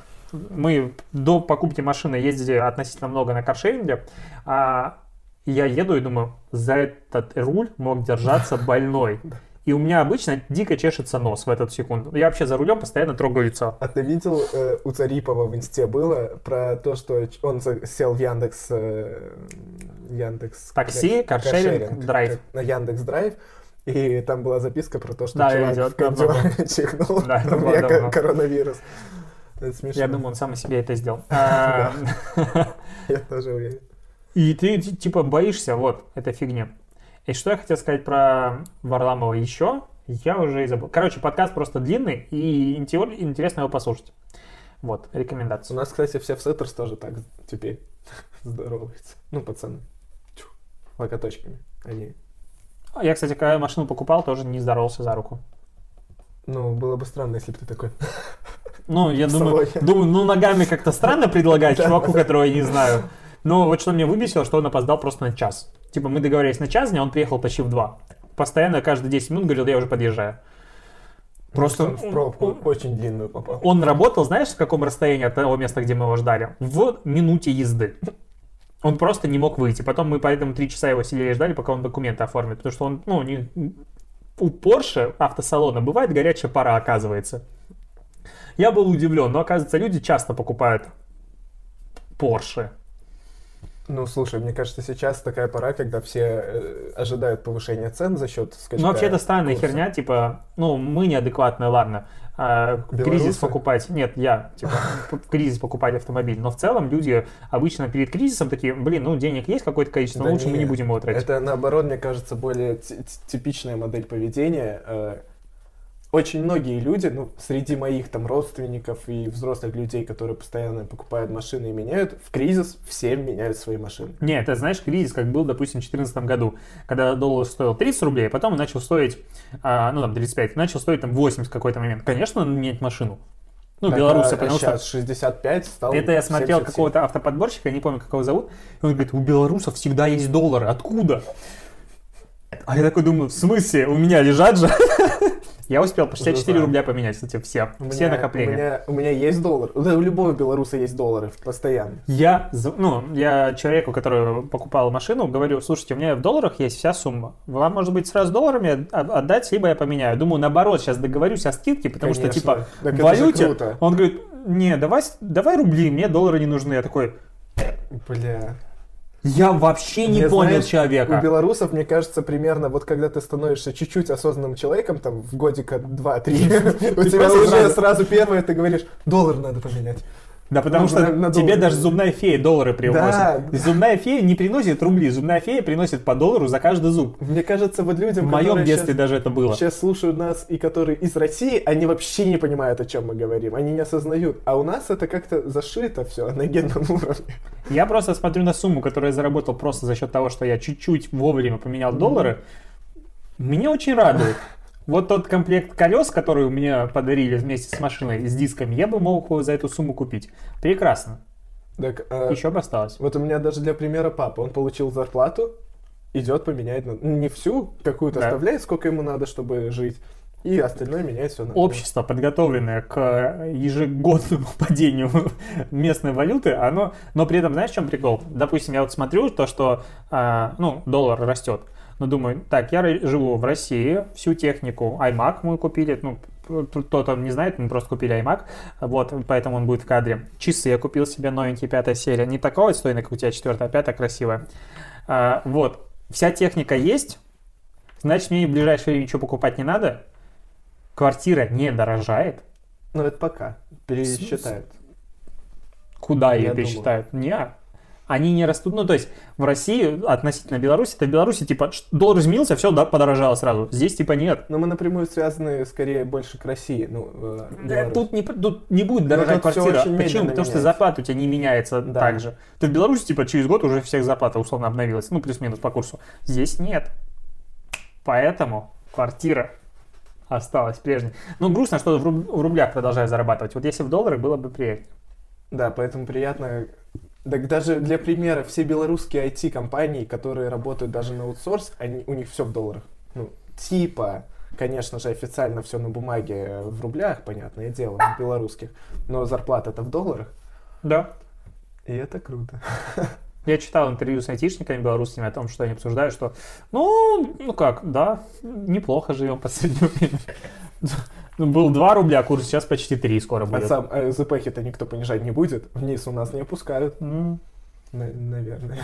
Не, я не слышал такого. Я слышал айтишников в прошлый кризис в Беларуси, а, у ИПАМа, по-моему, у них на каждом этаже стояло по два а, ну, таких автомата, которые раздают типа еду, ну, условно, и кофе делают. И кофе сделали бесплатно, точнее, с бесплатного в платный, и у народа прям было такое бурление внутри. Ну, сокращали издержки. Ну, А ты помнишь кризис восьмого года? Вот мы недавно просто обсуждали с Помнишь? кем-то. Я его вообще не помню. Ну, что происходило, подорожал. как он э, ударил. Ну, Тогда доллар, был, кстати, не наверное- сильно подорожал. А, Я, я просто помню, что это был год моего поступления. А, так мне 12 лет было. Ну Почему вот. я не помню? Я тогда поступил, и поступил в Минск, и получается мне а, документы, ну, я на платно поступал, и документы там в последний момент типа подтверждались. И надо было найти квартиру формата вот завтра заселяться. Очень сложно найти было в тот момент в Минске квартиру для студентов, мальчиков особенно, меня. Да. А, и тогда вот э, с курсами была проблема, и все это стоило очень дорого, потому что курс э, подорожал, ну, вот сходу потом, но там с 3 до 3700, по-моему, был такой курс. Ну, то есть было ощутимое дорожание, в принципе. Потом, как бы, в 2014 году оно все выросло в 4 раза или во сколько, а тогда это уже казалось не так сильно. Но в восьмом году Так, было э, неприятно. И все равно вся экономика же приходит в стабильность. Все стабилизируется, просто надо время. И сейчас пройдет год Скажи это человеку, который вложил, вот у нас, допустим, на районе открылось, все-таки открылось это место. Ну, ну, А, не как он повезло называется? тебе. Всего хорошего, все хорошо. А, мир лучше называется. Чё? Это типа, вот знаешь, ты заходишь на это место и думаешь, ну, оно обречено на закрытие. Да. Я охереваю вс- каждый раз. Какая-то кофейня. какая- Это что типа чайное место такое с всякими сух, ну, там типа сухофрукты есть, знаешь, в, ну, в этих упаковках и, и странная, не то что азиатская еда, ну какая-то такая есть э, блюдо оттуда. И у- они, знаешь, которые на барабанах играют такие. В в дредах Растаман. У них внутри даже есть как сцена, можно сказать, под эти штуки они даже концерты будут проводить. В моей голове какой-то странный образ места сформировался. Пиздос просто. Чай, Типа, и Ты, сухофрукты. и причем у них есть кухня, типа борщи, по-моему. Ну, то есть там... И ты заходишь и такой, ну, вам не выжить. Они же уже там открывались полгода почти. Ну, то есть они очень долго. И вот, наконец-то, они открылись, и Закрылись. И просто чуваки, допустим, вложили в аренду за это время миллион, ну, в лучшем случае минимум, в ремонт и все такое, и объяснили им, что ну после кризиса все станет лучше. Так, если бы не было кризиса, они тоже бы закрылись. Ну, это да, но так-то у них больше шансов. Я просто имею в виду, что ну, люди теряют бизнес. Вот в чем. Теряют. Как бы. Ну, так, мне кажется, если... Мне кажется, если... Тебя такая интонация? Ну да, теряют. Ну не я Такая, же. Ну, а чё? Если... Я считаю так, что если человек... э, если бизнес существует давно, и он к этому периоду не смог выстроить его так, чтобы пережить небольшой кризис, то это проблема человека. А как ты думаешь, отсутствие выручки оборота в течение двух Есть, месяцев, есть это сегменты, небольшой кризис? Э, Как к такому можно подготовиться? типа вот как ресторанным бизнес сейчас пережил, или как ивент-агентство закрываются миллионы, это да, это уже тут ты никак не мог подготовиться, тут надо иметь такую финансовую подушку, что никто такую не формирует, мне кажется. Ну, Уже- это очень глупо иметь такое количество денег и не развивать Да, бизнес дальше, да. не инвестировать. Да. Это скорее в данном случае исключение, потому что тут въебала не только экономическая ситуация, а еще и В пандемия. бутылке все меньше вина. Я напоминаю, что у нас подкаст идет примерно до конца бутылки. Он не оговорен по времени заранее. Да, то есть я скоро заткнусь, все хорошо. Ну, короче, Неравноценно получилось. я, я считаю, что э, сейчас экономическая ситуация не лучшая, но все будет нормально и все стабилизируется рано или поздно. Ну, на это не надо много времени. Мы это проходили не один раз. Ну, типа в 2014 году это было. Ну, я помню, как это произошло. Я тогда был в Беларуси, все охерели от того, как вырос курс. А Но- Я вот не помню, чтобы кто-то закрывался, помнишь? заведение, что-то. Так, а типа все заведения- жили и а жили заведения дальше. сейчас закрываются не из-за экономики. Ну, в данном случае. Из-за того, что никто не ходит туда, что там? Потому что это из-за вируса, Ну так. не экономика, а тогда же была просто экономическая ситуация. Ну, в 2014 году я имею в виду. Экономически просто курс тогда вырос. Ну да. Ну так это... Ай, короче. Вот ты говоришь, что не хочешь обсуждать политику в подкасте, условно говоря, потому что ней не разбираешься. Это а не вот экономику политика. ты такой, давай, я вот прям готов. Экономику я могу... Я прям ма- про макроэкономику сейчас тебе задвину, насую вообще про теорию. Я, я не, не выступаю как э, какую-то теорию даю. Я просто высказываю свое Давай, мнение. минутка провокационных вопросов. Я это придумал, поэтому я могу задавать вопросы, а ты на них А- отвечай. А я... А ты отвечай. Ну. Если бы ты был в правительстве какой-нибудь Нет, страны... это политика уже. Нет, это про Хорошо. экономику, ты же не разбираешься. И у тебя был выбор. А, умирает, допустим, 100 тысяч твоих граждан, Это похоже на какую-то игру. или а, умирает твоя экономика твоей страны. Ну, допустим, у тебя там условно 9 миллионов 600 тысяч Хочешь меня человек. закопать Подожди, до пятого уровня? у тебя, допустим, в твоей стране живет 9 миллионов 600 тысяч человек, у нее два официальных языка, Спасибо. а все соседи уже закрыли свои границы. Ты такой не закрываешь, у тебя есть выбор. А, полный крах экономики, либо умирает большое количество граждан. Большое это какое? ты, ну, 100 тысяч человек. Что бы ты Сто- выбрал? Мне страшно что-то говорить сейчас. Я просто Короче, спрашиваю. я... Давай так. Я отвечаю, и ты тогда тоже отвечаешь Нет, на этот я же у тебя вопрос. вопрос. Не-не-не, только так. Почему в меня все говно в комментах полетит? Что за мудак? Э, чё? Тебе уже не страшно, ты уже все сказал, что мог. Короче, я считаю так. А, Можно попробовать разрулить ситуацию с двух сторон. С первой стороны, Вот давай чтобы нет, сохранить- вот типа, ну, сократить- мы, я бы старался, у сократить- тебя есть два варианта. Короче, в любом случае 100 тысяч их не- нельзя никак изменить, да? Никак. То есть вообще. У тебя есть два сценария развития событий. В первом крах экономики, во втором умирает граждане. Но объективно э, сохранить в данном случае экономику важнее. Ну, хоть это и неправильно. 100 тысяч это большое число, но если это нельзя никак изменить и исправить, то это шаг, на который Нет, так, смотри, пойти. во втором случае, если у тебя умирает экономика, люди не умирают. Ну, умирает во, во много... Да там, так не бывает намного в мире, меньше понимаешь? Это ситуация, Почему? которая не существует, чтобы с одной стороны в просто Китае гибли не, люди- умер- не умерли люди. В смысле не умерли? Ну, Не не, умерли. в таком количестве. Не в таком, Ну конечно. вот. Так я и говорю, в первом случае у тебя минус 100к, во втором там маленькая часть людей умерла. Ну, допустим, 5000 человек неудачников. А зато экономика в жопе. Не умрут от бедности. Насколько в жопе? В, прям в полной. Вот как у некоторых стран, у которых Вот открыты границы, третий- только еще хуже прям. страны, да? Вот прям в Конго. Ну слушай, тогда, Уругвай. тогда смотри, тут простая логика. Я выбираю экономику стабильную, потому что, почему? Э, 100 тысяч это большая цифра, этих людей Ты жалко. уже прям а, стоишь в пиджаке и говоришь, уважаемые граждане, да, мы понесли потери, но эти потери мы будем помнить Просто представь, как, э, что повлечет за собой крах полной экономики. Как ты говоришь, именно крах тотальный. Да, крах. Это бедность, это увеличение еще смертности. Тебя еще не выберут. Тебя не меня не выберут, да.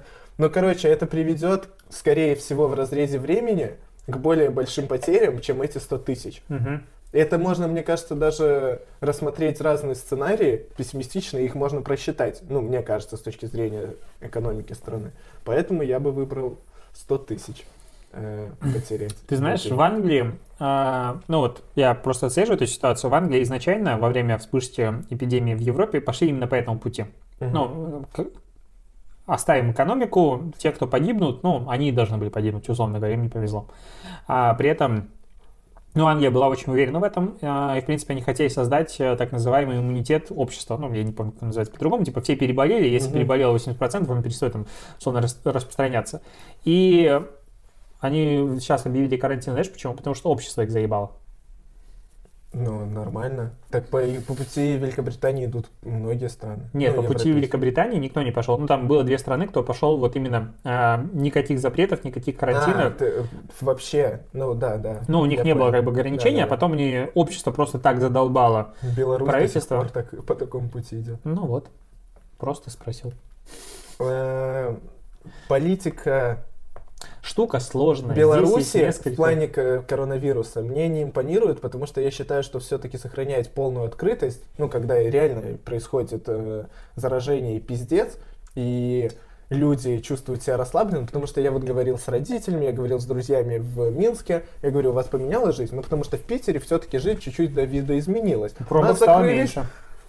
торговые центры, у нас э, людей стало меньше, все как-то относятся к этому более отв- э, ответственно. В, Минске мне говорят, да ни хера не изменилось. Ну, почти. Стало чуть людей меньше в метро, чуть-чуть.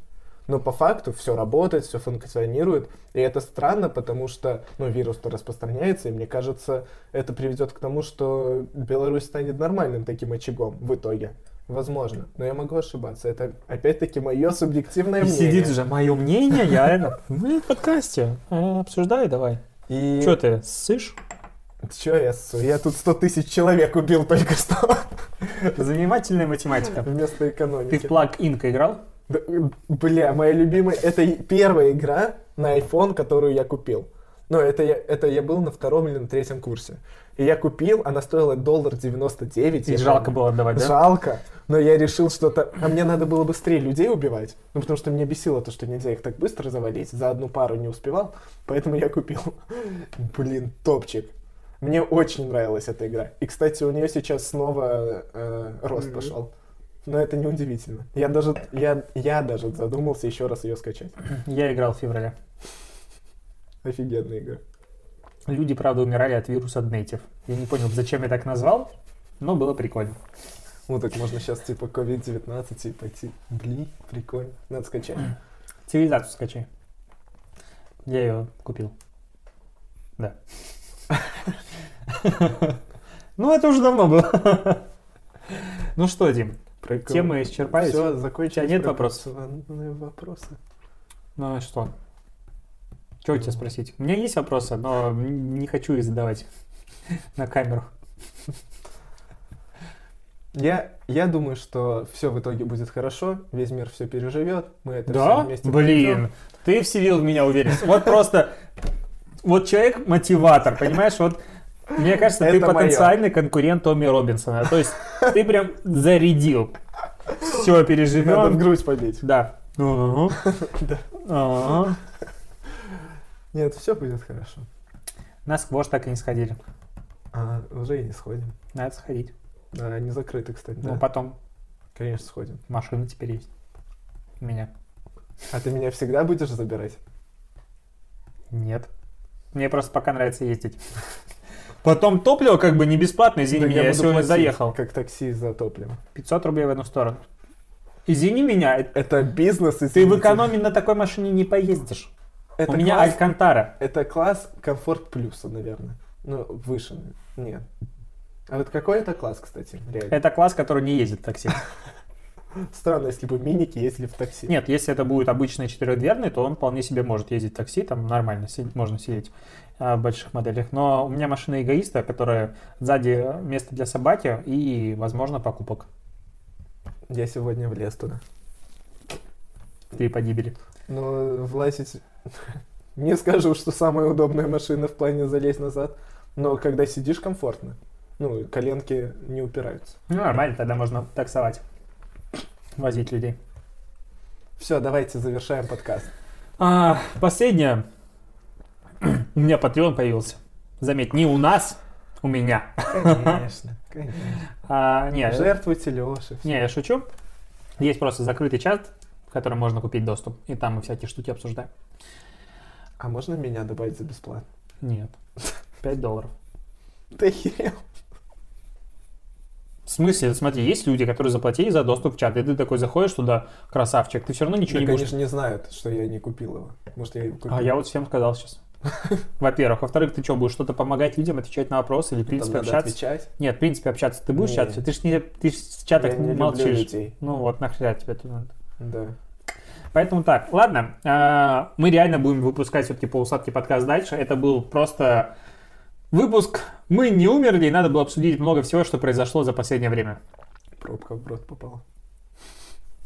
Может, и не пробка. А, ждите нас каждые как минимум две недели. Постараемся мы точно выходить. Постараемся мы точно выходить. Это типа, мы планируем точно выходить, но, зная Диму, постараемся. Я буду выходить просто без тебя. Смотри. Дим, давай договоримся. Если ты говоришь, что мы не можем записать подкаст в то время, которое мы договариваемся заранее, обычно это вторник все-таки у нас был, Да, да. то а, я просто записываю без тебя с гостем. Честно, парень? Честно. Все честно, справедливо. Я согласен и подписываюсь э, Публично. И последний вопрос. Что там по ту- татуировке? Так, а напомню... Напоминаю контекст. Дима а, в прошлом году решил, что он все-таки хочет набрать 50 аудиторию в Инстаграм. мы говорили? Да, хотя бы 50 тысяч подписчиков в Инстаграм получить, но при этом он не хочет для этого делать какой-то контент, как адекватные люди, и не хочет заниматься продвижением и запускать рекламу, как это делаю, допустим, я. Поэтому он хотел исхитриться и сделать челлендж, что он а, готов объявить конкурс. а, если он наберет 50 тысяч подписчиков, он делает татуировку с именем человека, а, случайно выбранным из списка подписчиков. Да, да, да. Так что там, Дим? Ты, по-моему, даже согласовал этот конкурс со своей девушкой, Да. если я не Она ошибаюсь. сегодня спрашивала про это. Вот, и у меня тоже спрашивали. Я не понимаю, почему у меня спрашивают. Можно же у тебя спрашивать. Я думаю, что когда откроются тату-салоны снова, потому что они сейчас закрыты, скорее всего, э, мы можем вернуться к этому вопросу. Нет, смотри, нет, не, не, не так, Дим. Вот я, я себя сейчас чувствую, ставлю на позицию человека, который этот подкаст слушает. И он такой, что за отмазон? Смотри, для того, чтобы начать челлендж делать, а, не обязательно должны от тату-салона быть открытыми в данную секунду. Потому что татуировку ты можешь сделать в момент, когда он откроется. Неважно. А, с одной стороны. С другой стороны, сейчас активность в социальных сетях очень сильно выросла, потому что люди много проводят времени онлайн. С третьей стороны, ты не дал никаких точных «да», «нет», «наверное», когда и, в принципе, информация о челлендже. Так я сейчас не скажу да. Так ты Я готов нет? по-прежнему поддерживаю эту идею. Ты готов на нее или нет? Под- Поддерживать это, знаешь, вот внебрачный сын Путина. Типа, что не спроси, он м, пытается отмазаться. Не, ни хера, я как журналист настоящий. Так что, Дим? О, боже мой. Так, давай подумаем. М, 50 тысяч на Я канал. пытаюсь поставить себя на место сейчас другого человека, который слушает этот подкаст и думает, ну, ну, ну, И ну, я отвечаю ну, да. ну». Да. Ты Да. готов на такой челлендж? Да. Когда? Запускаем. Надо под- вот по времени надо подумать. А максимальный предельный срок. До мая. До, это максимум. А это запуск? Ну, я уже в мае набью. Так, Нет, до я мая. виду, так старт когда? Сколько тебе времени Ну, надо подумать? сколько-то подготовить всю площадку, продумать механики, как я дальше буду с этой аудиторией взаимодействовать, как, что мы Сколько будем тебе делать, времени? если... Мы! Ты будешь делать? Мне это А не если надо. мне наберется? Ну, То есть я не делаю. Половину татуировки, если 25 тысяч. Нет, Половину зернейма. тут или 50 тысяч, или нет тату. Все просто. и люди тогда, ну, а люди на тебя подписались, должно, значит, быть какое-то другое. Пусть отписываются. Не, тогда. значит, у тебя должно быть, друг мой, такое условие. Если 50 тысяч татуха, если нет, тогда ты прыгаешь с моста в, не, в него. Я не знаю, ну какая должна быть замануха дополнительная, чтобы люди не зря Подожди, подписались. то есть ты думаешь, что прыгнуть в него лучше, чем набить татуху? Ну, я... Еще знаешь, там, где ты точно не выплывешь. Нет, так я ж не говорю с вот этого моста, который рядом с нами. Может, не знаю. На Александра Невского, да? Возле этого зимнего что-нибудь там нырнуть с маленького. Ну, разные варианты могут быть. Когда станет тепло, Дим, все хорошо. Да. Нет, вот про это я и говорю. Надо продумать все варианты. Хорошо, тогда договоримся Но с до тобой. мая это надо реализовать. Публично тогда обещание твое.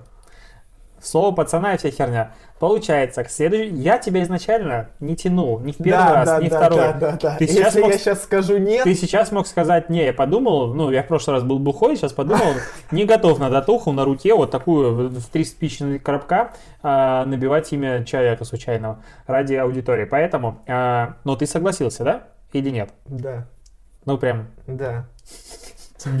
А, Получается, к следующему выпуску подкаста ты уже будешь готов объявить механику и все, всю подробности, вся информация. А следующий выпуск подкаста, Ну, так, может, не к сегодня, следующем, но поз- сегодня который будет после 29 него. 30 2 ну, мы где-то выпустим этот подкаст 2-3 апреля по плану, максимум 4 Соответственно, следующий выпуск должен выйти максимум 18 апреля. Мгм. Вот к 18 апреля, то есть, по идее, к 15 у тебя должна быть Подожди, вся а май механика. идет после апреля? Обычно да, по классике. То есть к 15 Может, апреля ты... мая Нет, к 15 апреля ты готовишь всю механику, чтобы мы записали подкаст, и ты всю ее знал, да? Ага. Да? Жопа какая-то. Дим, я считаю, это вообще очень тупой шаг, но а, если ты к нему готов, ну, а, тебе позволяет это все делать, То есть То- уже подумать нельзя, все. я, я вот и предлагаю тебе обходной путь, чтобы ты подумал. И вот к 15 апреля либо нет, и ты сливаешься как... а, нельзя говорить в современном мире как девочка, потому что это сексизм. Конечно, конечно. Ну, просто согласен. как очкун. Либо ты соглашаешься, и тогда 15 апреля у тебя есть вся механика. Хорошо. Договорились. Уговор. Ну, раз- А, ты понимаешь вообще, что сейчас мы сделали? Коронавирус. А то, что мы сидим вот так вот в метре, меньше метра, тебя не смущает. Мало ли, что ты этой рукой делал. Ладно, Да, на этом вот полусладкий вот, типа. подкаст закончился. Спасибо, что э, вы дослушали эту беседу двух людей, которые встретились просто за бокалом вина. В следующий раз э, будем обсуждать маркетинг наверняка в Америке. Поэтому stay tuned, да? Да. И подписывайтесь на мой канал.